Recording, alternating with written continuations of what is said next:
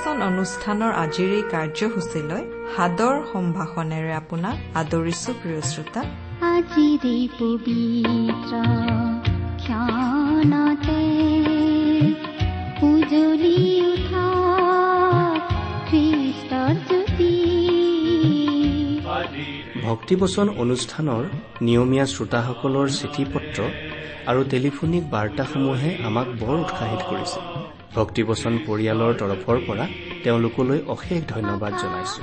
প্ৰভু যীশুৰ বাণীসমূহে শ্ৰোতাসকললৈ আশীৰ্বাদ কঢ়িয়াই অনা বুলি জানিলে আমি কাম কৰি যাবলৈ অধিক বল পাওঁ। ঈশ্বৰে আপোনালোকক এইদৰে সদায় আশীৰ্বাদ কৰি থাকক। আপোনাৰ জীৱন আৰু পৰিয়ালত সদায় সুখ শান্তি আৰু প্ৰচুৰতা প্ৰভু যীশুৱে দান কৰক। শাৰীৰিক সকলো ৰোগ ব্যাধি পাৰিবাৰিক সমস্যা আৰু আত্মিক সকলো বন্ধনবোৰৰ সমাধান দিব পৰা প্ৰভু যীশুৰ বাণীসমূহে যেন আপোনাৰ জীৱনলৈ নতুনত্ব আৰু জীয়াই থকাৰ প্ৰকৃত অৰ্থ কঢ়িয়াই আনে এয়ে আমাৰ প্ৰাৰ্থনা। প্ৰভু যীশু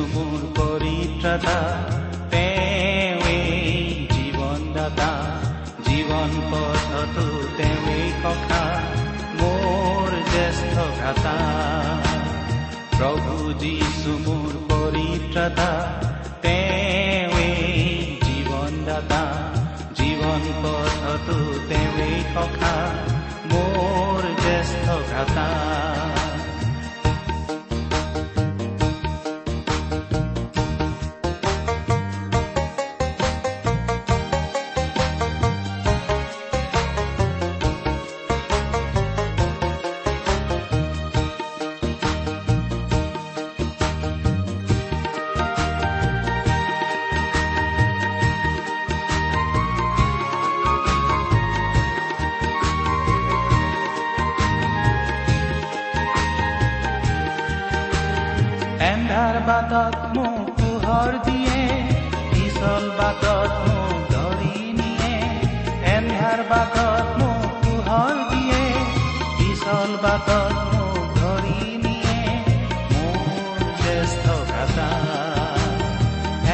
বাটত মোক পোহৰ দিয়ে পিছল বাটত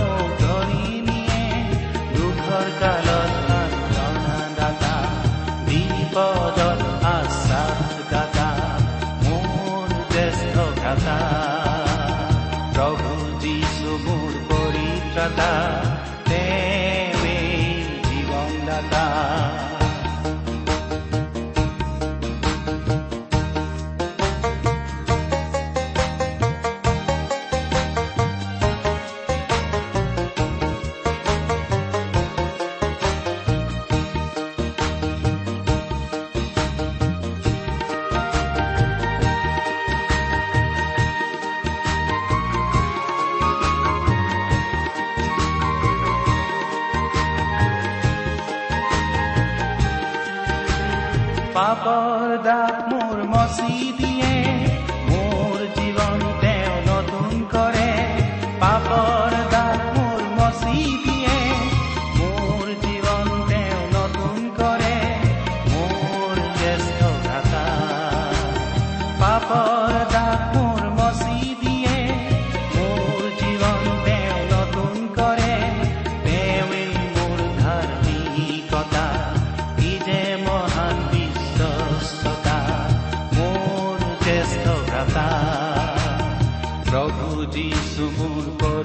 পৰিত্ৰাতা তেওঁৱেই জীৱনদাতা জীৱন পথতো তেওঁৱেই সখা মোৰ জ্যেষ্ঠ মোৰ জ্যেষ্ঠ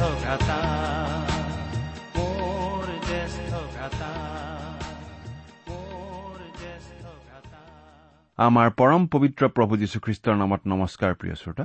আপোনাৰ নিশ্চয় ভাল। পৰম পিতা পৰমেশ্বৰে আপোনাক নিশ্চয় ভালে কুশলে ৰাখিছে। আচলতে আমাৰ সৃষ্টিকৰ্তা ঈশ্বৰে আমাক ইমান আশীৰ্বাদ কৰি থাকে যে আমি হিচাপ কৰি শেষ কৰিব নোৱাৰো। আমি ঈশ্বৰক ধন্যবাদ দিবলৈকো প্ৰায়েই পাহৰি যাওঁ। মানুহকো ধন্যবাদ দিবলৈ আমি বহু সময়ত পাহৰি যাওঁ। যেনে ধৰক আমাৰ বহুতো শ্ৰোতাই আমালৈ চিঠি পত্ৰ লিখিছে কিছুমানে যথেষ্ট প্ৰশংসা কৰি লিখিছে। কিছুমানে হয়তো অলপ গঠনমূলক পৰামৰ্শ আগবঢ়াইও লিখিছে। কোনো কোনোৱে প্ৰভু যীশুৰ বিষয়ে অধিক জানিবলৈ আগ্ৰহ দেখুৱাইছে। দুই একে আকৌ প্ৰাৰ্থনাৰ অনুৰোধো জনাইছে। কোনো কোনোৱে বাইবেলৰ সৈতে জড়িত প্ৰশ্ন সুধিও পঠিয়ায়। যেনেধৰণৰ চিঠিয়েই নহওক কিয় শ্ৰোতাসকলৰ পৰা যিকোনো ধৰণৰ চিঠিকেই আমি অতি মৰমেৰে অতি আগ্ৰহেৰে আদৰি লওঁ। আপোনালোকৰ চিঠি পত্ৰই আমাক যথেষ্ট উৎসাহ যোগায়। আমি আপোনালোকৰ পৰা চিঠি পত্ৰ পাই থাকিলে বুজি পাওঁ যে আমাৰ অনুষ্ঠান অথলে যোৱা নাই অন্ততঃ কোনোবাই শুনিছে। গতিকে আমালৈ চিঠি পত্ৰ লিখা সকলোবোৰ শ্ৰোতালৈকে আমি ধন্যবাদ জনাইছো। ধন্যবাদ প্ৰিয় শ্ৰোতা। এতিয়া যে আপুনি আমাৰ এই ভক্তিবচন অনুষ্ঠান শুনিবলৈ আগ্ৰহ দেখুৱাই অনুষ্ঠান শুনিবৰ কাৰণে আন সকলো কাম কাটি কৰি থৈ ৰেডিঅ'ৰ ওচৰ চাপিছেহি তাৰ বাবেও আপোনাক অশেষ ধন্যবাদ জনাইছো। কিন্তু সদায় কৰি অহাৰ নিচিনাকৈ আজিও আপোনাক এটা অনুৰোধ কৰিব খুজিছো। আমালৈ চিঠি লিখি জনাবচোন এই অনুষ্ঠান শুনি আপুনি কেনে পাইছে? আহকচোন আজিৰ বাইবেল অধ্যয়ন আৰম্ভ কৰাৰ আগতে পৰম পিতা পৰমেশ্বৰৰ ওচৰত প্ৰাৰ্থনাত মূৰ নত কৰোঁ হওক। স্বৰ্গত থকা অসীম দয়ালু পিতৃ ঈশ্বৰ তোমাক অশেষ ধন্যবাদ কিয়নো তোমাৰ মহান বাক্য বাইবেল শাস্ত্ৰ অধ্যয়ন কৰিবলৈ আকৌ এটা সুযোগ তুমি আমাক দিলা। তুমি সৰ্বশক্তিমান সৰ্বজ্ঞানী সৰ্বব্যাপী ঈশ্বৰ। তুমি বিশ্ব ব্ৰহ্মাণ্ডৰ সৃষ্টিকৰ্তা ঈশ্বৰ। তোমাৰ আগত আমি অতি নগণ্য হলেও তুমি আমাক কেতিয়াও ত্যাগ কৰা নাই কেতিয়াও দলিয়াই পেলোৱা নাই বৰং তুমি আমাক ইমান প্ৰেম কৰিলা যে আমাক উদ্ধাৰ কৰিবলৈ তোমাৰ একেজাত পুত্ৰ যীশুখ্ৰীষ্টকেই আমালৈ দান কৰিলা। আজি প্ৰভু যীশুত বিশ্বাস কৰি আমি সকলো পাপৰ ক্ষমা লাভ কৰি সম্পূৰ্ণ ধাৰ্মিক বুলি পৰিগণিত হৈ তোমাৰ সন্তান হ'ব পৰা হৈছো। তাৰ বাবে তোমাক অশেষ ধন্যবাদ পিতা। এতিয়া তোমাৰ মহান বাক্য আলোচনা কৰিবলৈ আগবাঢ়োতে আমি প্ৰাৰ্থনা কৰিছো পিতা। তুমি আমাক তোমাৰ বাক্য বুজি পোৱাত সহায় কৰা। তুমিয়েই আমাক বুজোৱা তুমিয়েই আমাক কথা কোৱা। এই অনুষ্ঠান শুনি থকা আমাৰ মৰমৰ শ্ৰোতাসকলক তুমি বিশেষভাৱে আশীৰ্বাদ কৰা। তেওঁলোকৰ জীৱনত তোমাৰ প্ৰেম তোমাৰ অনুগ্ৰহ প্ৰকাশ পাই উঠিবলৈ দিয়া। এই অনুষ্ঠানৰ আৰম্ভণিৰ পৰা শেষলৈকে তুমি আমাক পৰিচালিত কৰা। কিয়নো এই প্ৰাৰ্থনা আমাৰ মহান ত্ৰাণকৰ্তা মৃত্যুঞ্জয় প্ৰভু যীশুখ্ৰীষ্টৰ নামত অৰ্পণ কৰিলো। আহমেদ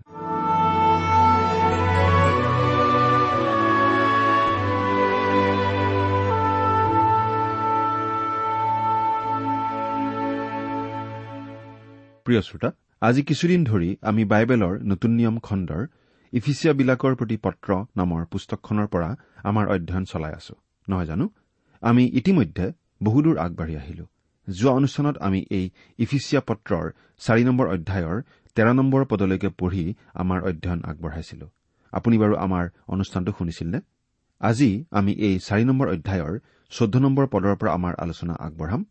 অনুগ্ৰহ কৰি আপোনাৰ বাইবেলখন উলিয়াই লৈ ইফিচিয়া পত্ৰৰ চাৰি নম্বৰ অধ্যায়টো উলিয়াই লওকচোন। আমি ইতিমধ্যে দেখিলো যে খ্ৰীষ্টীয় মণ্ডলীৰ বৃদ্ধিৰ কাৰণে প্ৰভু যীশুৱে কিছুমানক পাচনি কিছুমানক ভাৱবাদী কিছুমানক প্ৰচাৰক কিছুমানক শিক্ষক আৰু কিছুমানক ৰক্ষক বা পালক হবলৈ বৰ দিছে আৰু এইসকলক মণ্ডলীলৈ দান কৰিছে। এই বিভিন্ন লোকসকলৰ জৰিয়তে ঈশ্বৰে খ্ৰীষ্টীয় মণ্ডলীক আম্মিকভাৱে পূৰ্ণ বয়স্ক অৱস্থালৈ উন্নীত কৰি আছে। আৰু যেতিয়ালৈকে আমি খ্ৰীষ্টৰ পৰিপূৰ্ণতাৰ বয়সৰ পৰিমাণ নাপাওঁ তেতিয়ালৈকে আমাৰ বৃদ্ধি শেষ নহয় বৃদ্ধি সম্পূৰ্ণ নহয়। তদুপৰি এই পৃথিৱীত থকা অৱস্থাত খ্ৰীষ্টীয় মণ্ডলীৰ যি পৰিচৰ্যা সেই পৰিচৰ্যা কাৰ্য সুচাৰুৰূপে চলি থকাত সহায় কৰিবলৈও বিশেষ বিশেষ বৰপ্ৰাপ্ত লোকসকলক মণ্ডলীলৈ দান কৰা হৈছে। আজিৰ অনুষ্ঠানত আমি চৈধ্য নম্বৰ পদৰ পৰা চাই যাম। এতিয়া বাইবেলৰ পৰা পাঠ কৰি দিব খুজিছো। ইফিচিয়া চাৰি নম্বৰ অধ্যায়ৰ চৈধ্য নম্বৰ পদ পঢ়ি দিছো। ইয়াত এনেদৰে লিখা আছে দিয়াতে যেন আমি আৰু শিশু নহওঁ আৰু মানুহৰ ঠগত ধূৰ্ততাৰে ভ্ৰান্তিৰ কুকল্পনাৰে ভ্ৰান্ত হৈ ধলং পলং কৰোৱা আৰু সকলোবিধ শিক্ষাৰূপ বতাহত ইফাল সিফাললৈ নিয়া নহওঁ। দিয়াতে আমি যেন শিশু নহওঁ। আমি আমাৰ আম্মিক জীৱনত শিশু হৈ থকা উচিত নহয়। আমি বৃদ্ধি পাব লাগিব। আমাৰ আচৰণত নিয়ন্ত্ৰণ থকা উচিত। আমি পেন পেনাই কান্দি ইফালে সিফালে দৌৰি ফুৰা কেঁচুৱাৰ দৰে হলে নহ'ব।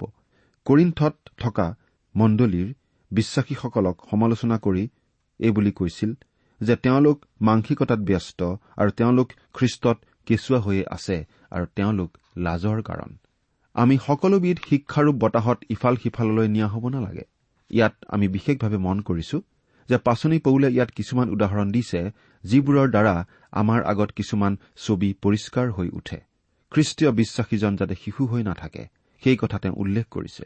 উদাহৰণস্বৰূপে চিন্তা কৰি চাওকচোন। আমি জানো কেঁচুৱা এটাক এখন উৰাজাহাজ চলাবলৈ এৰি দিম।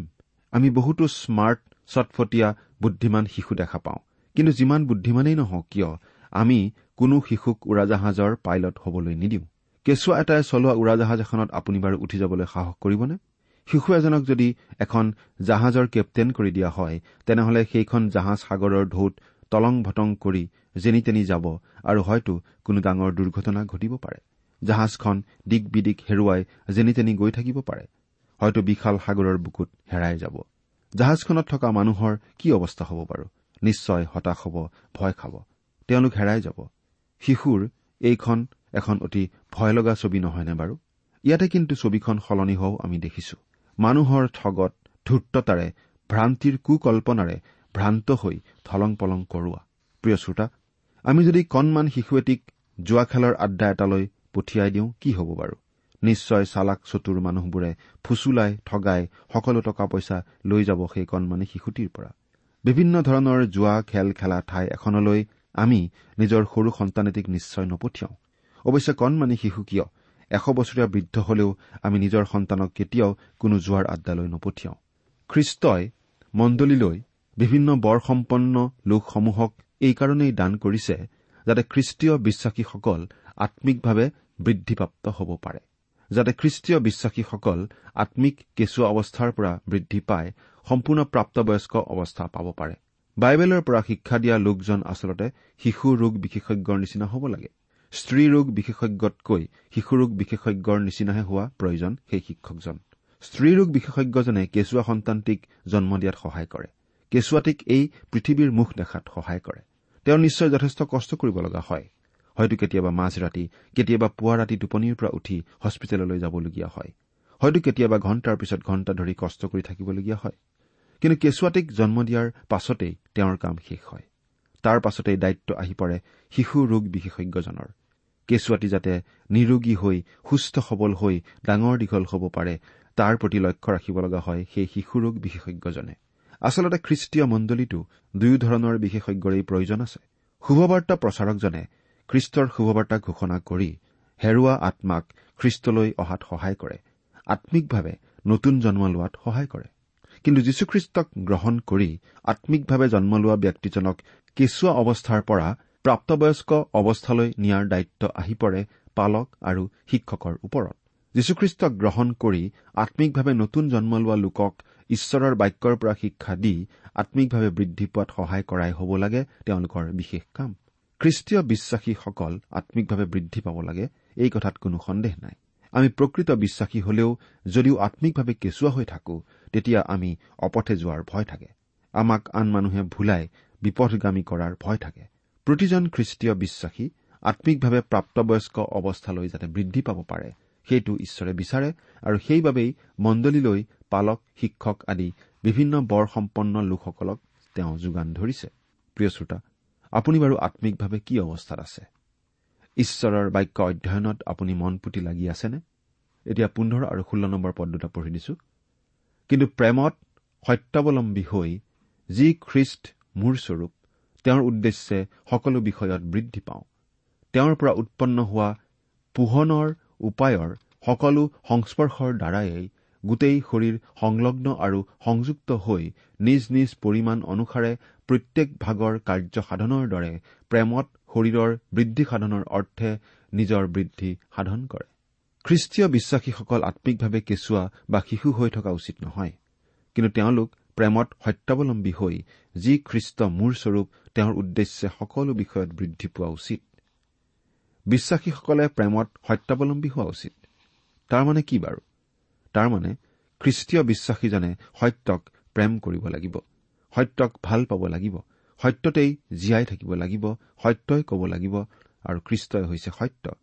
সেইবাবে খ্ৰীষ্টীয় বিশ্বাসীজনে জীৱনৰ নাওখন বাই যাব লাগিব খ্ৰীষ্টৰ পিনে পোনাই। সকলো বিষয়তে তেওঁৰ জীৱন নিয়ন্ত্ৰিত হ'ব লাগিব খ্ৰীষ্টৰ দ্বাৰা। খ্ৰীষ্টই হ'ব লাগিব দিক নিৰ্ণায়ক কম্পাছ। খ্ৰীষ্টই তেওঁৰ বাবে হ'ব লাগিব চুম্বকীয় মেৰু। তেওঁৰ পৰা উৎপন্ন হোৱা পোহনৰ উপায়ৰ সকলো সংস্পৰ্শৰ দ্বাৰায়েই গোটেই শৰীৰ সংলগ্ন আৰু সংযুক্ত হৈ নিজ নিজ পৰিমাণ অনুসাৰে প্ৰত্যেক ভাগৰ কাৰ্যসাধনৰ দৰে প্ৰেমত শৰীৰৰ বৃদ্ধি সাধনৰ অৰ্থে নিজৰ বৃদ্ধি সাধন কৰে।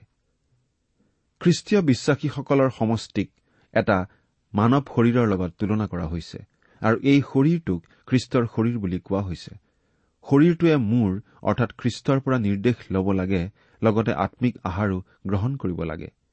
এনেদৰেই শৰীৰৰ প্ৰতিটো অংগই নিজ নিজ ঠাইত নিজ নিজ কাম কৰি যাব লাগে আৰু মূৰ অৰ্থাৎ খ্ৰীষ্টৰ পৰা আম্মিকভাৱে পুষ্টি লাভ কৰি থাকিব লাগে। আৰু তেতিয়াহে গোটেই শৰীৰটোৰ সকলো কাম সুকলমে চলি থাকে। মানুহৰ শৰীৰটোৰ এটা আভ্যন্তৰীণ শক্তি আছে যিটোৱে শৰীৰটোক নিত্য নতুন কৰি ৰাখিব পাৰে। ঠিক একেদৰে আম্মিক শৰীৰ অৰ্থাৎ বিশ্বাসীসকলৰ সমষ্টিৰ এই শৰীৰটোৱেও নিজকে প্ৰেমত পুনৰ উজ্জীৱিত কৰি থাকিব লাগে অনবৰতে। সোতৰ নম্বৰ পদৰ পৰা ঊনৈশ নম্বৰ পদলৈকে পাঠ কৰি দিছো।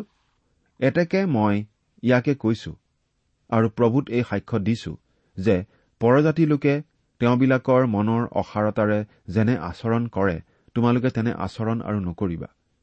কিয়নো তেওঁবিলাকৰ চিত্ত আন্ধাৰময় হল আৰু তেওঁবিলাকে নিজ নিজ হৃদয়ৰ কঠিনতাৰ দ্বাৰাই হোৱা তেওঁবিলাকৰ আন্তৰিক অজ্ঞানতাৰ কাৰণে ঈশ্বৰে দিয়া জীৱনৰ ভাগি নহল।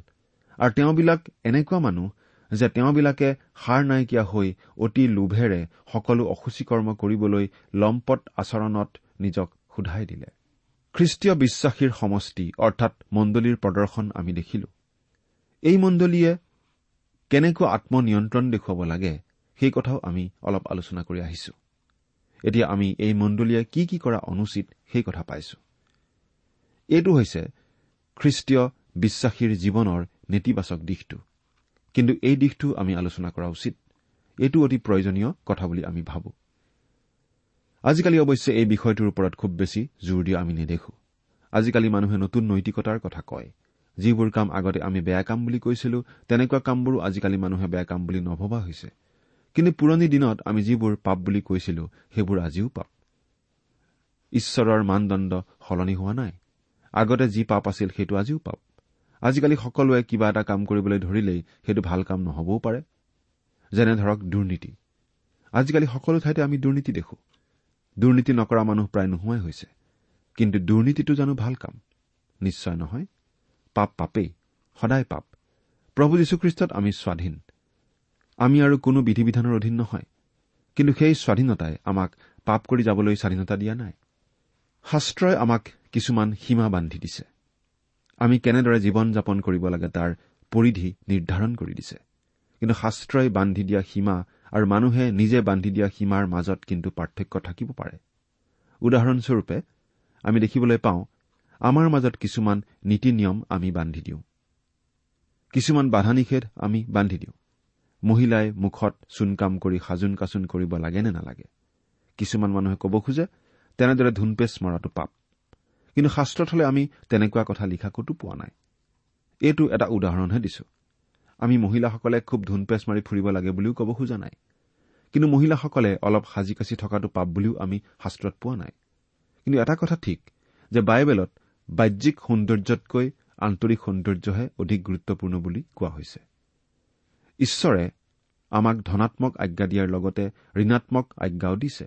তেওঁ আমাক এইটো কৰিবা সেইটো কৰিবা আদি নানান আজ্ঞা দিছে কিন্তু এইটো নকৰিবা সেইটো নকৰিবা বুলিও কিছুমান আজ্ঞা দিছে। যেনে ধৰক এডেনবাৰীত ঈশ্বৰে আদম আৰু সবাক কৈছিল তোমালোকে ভাল বেয়া জ্ঞান দিওঁতা বৃক্ষৰ ফল হেলে নেখাবা কাৰণ যিদিনাই তুমি তাক খাবা সেইদিনাই তুমি অৱশ্যে মৰিবা। আদি পুস্তক দুই নম্বৰ অধ্যায়ৰ সোতৰ নম্বৰ পদ। তাৰ পাছত আমি যদি দহ আজ্ঞা কেইটা চাওঁ তাত আমি নিষেধাজ্ঞাহে বেছিকৈ পাওঁ। আমি কি কৰা উচিত? তাতকৈ আমি কি কি কৰা অনুচিত? সেই কথাহে বেছি গুৰুত্ব দি তাত কোৱা হৈছে। কিন্তু দহ আজ্ঞাসমূহ অতি গুৰুত্বপূৰ্ণ। এতিয়া ইয়াতো আমি কিছুমান নিষেধাজ্ঞাৰ নিচিনা কথা পাইছো। আমাৰ বাবে কিছুমান বাধা আৰোপ কৰি দিয়া হৈছে। আমাক কোৱা হৈছে আমি যাতে পৰজাতিৰ লোকসকলৰ নিচিনা আচৰণ নকৰো। পাচনি পৌলে খ্ৰীষ্টীয় বিশ্বাসীসকলৰ আচৰণ কেনেকুৱা হোৱা উচিত সেই বিষয়টো ইতিমধ্যে আৰম্ভ কৰিছে এক নম্বৰ পদৰ পৰা তিনি নম্বৰ পদত।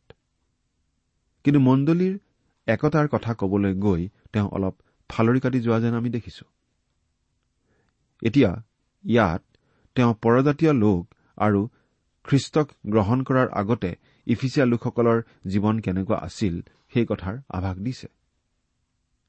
ইফিচিয়া দুই নম্বৰ অধ্যায় এঘাৰ আৰু বাৰ নম্বৰ পদত আমি পাইছিলো যে তেওঁলোক আছিল অতি দূৰৈত। ঈশ্বৰ সম্বন্ধে আশাহীন পাপত মৰি থকা অৱস্থাৰ লোক। আজিৰ হেৰাই থকা লোকসকলৰ অৱস্থাও একে। পাচনি পৌলে পৰজাতীয় লোকসকলৰ জীৱনৰ চাৰিটা দিশ ইয়াত দেখুৱাইছে যাৰ দ্বাৰা খ্ৰীষ্টবিহীন জীৱনৰ এখন হতাশাজনক ছবি আমি দেখা পাওঁ। তেওঁলোকে মনৰ অসাৰতাৰে আচৰণ কৰে। তেওঁলোকে পাপপূৰ্ণ জীৱনতেই শান্তি থকা বুলি ভাবি থাকে। ছয়তানৰ দ্বাৰা নিয়ন্ত্ৰিত জীৱনৰ মাজতেই তেওঁলোকে শান্তি আনন্দ বিচাৰি ফুৰে। ধন সম্পত্তি মান মৰ্যাদা বিচাৰি তেওঁলোকে হাবাথুৰি খায়।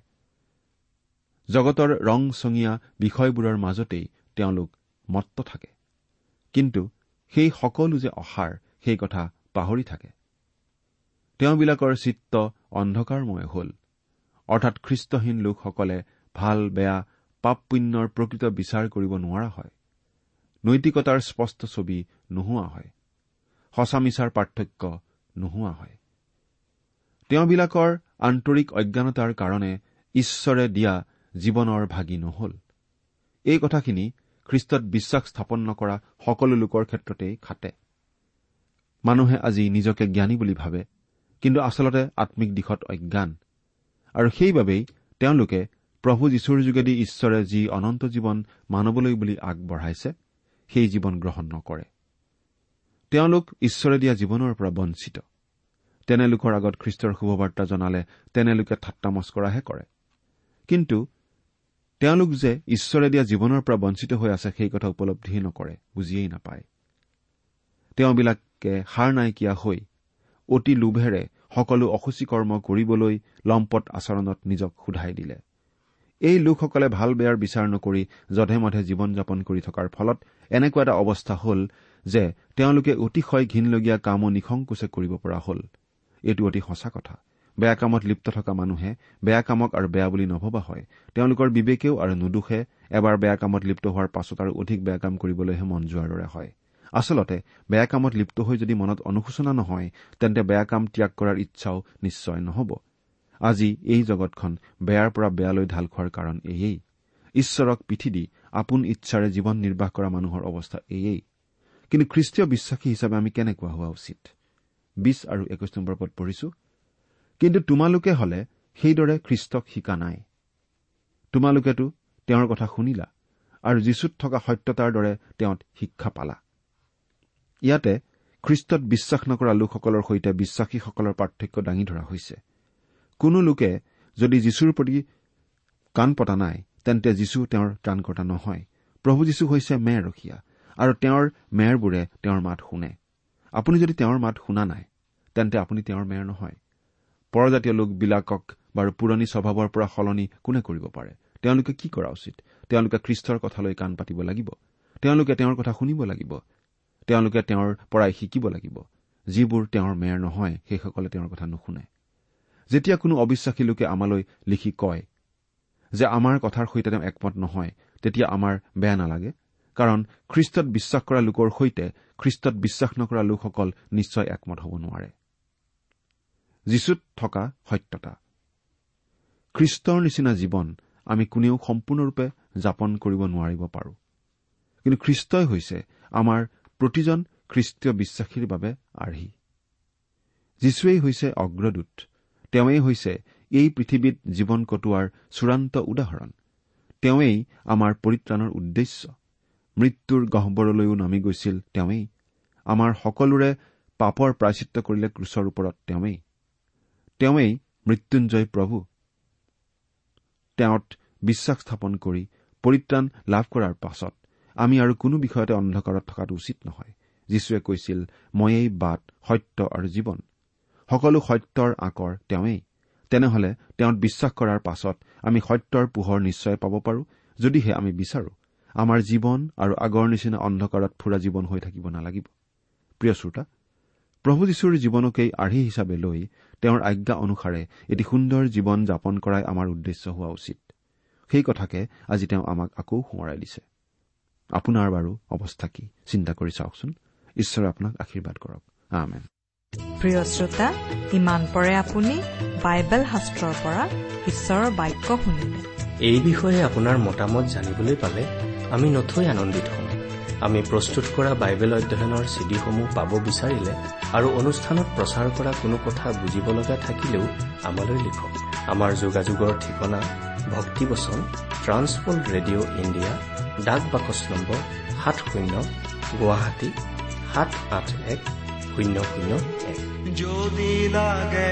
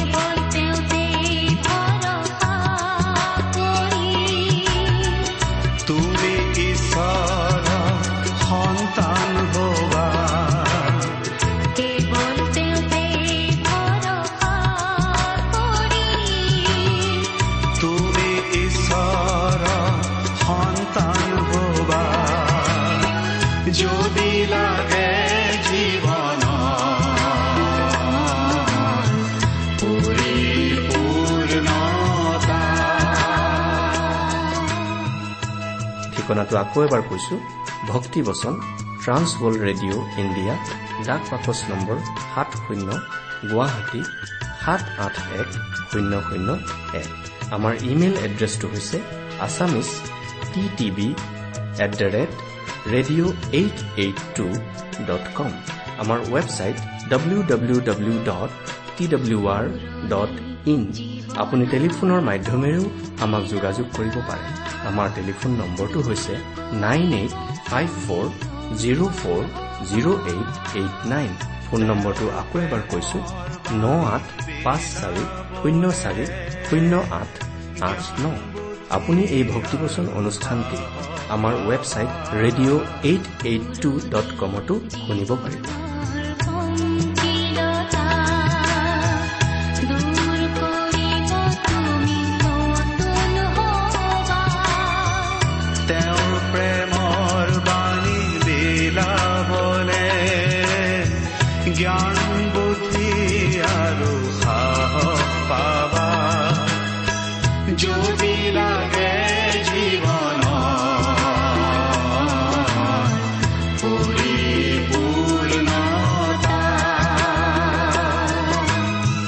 আজিৰ অনুষ্ঠানটি ইমানতেই সামৰিছো। ঈশ্বৰৰ শান্তি আৰু অনুগ্ৰহ আপোনাৰ লগত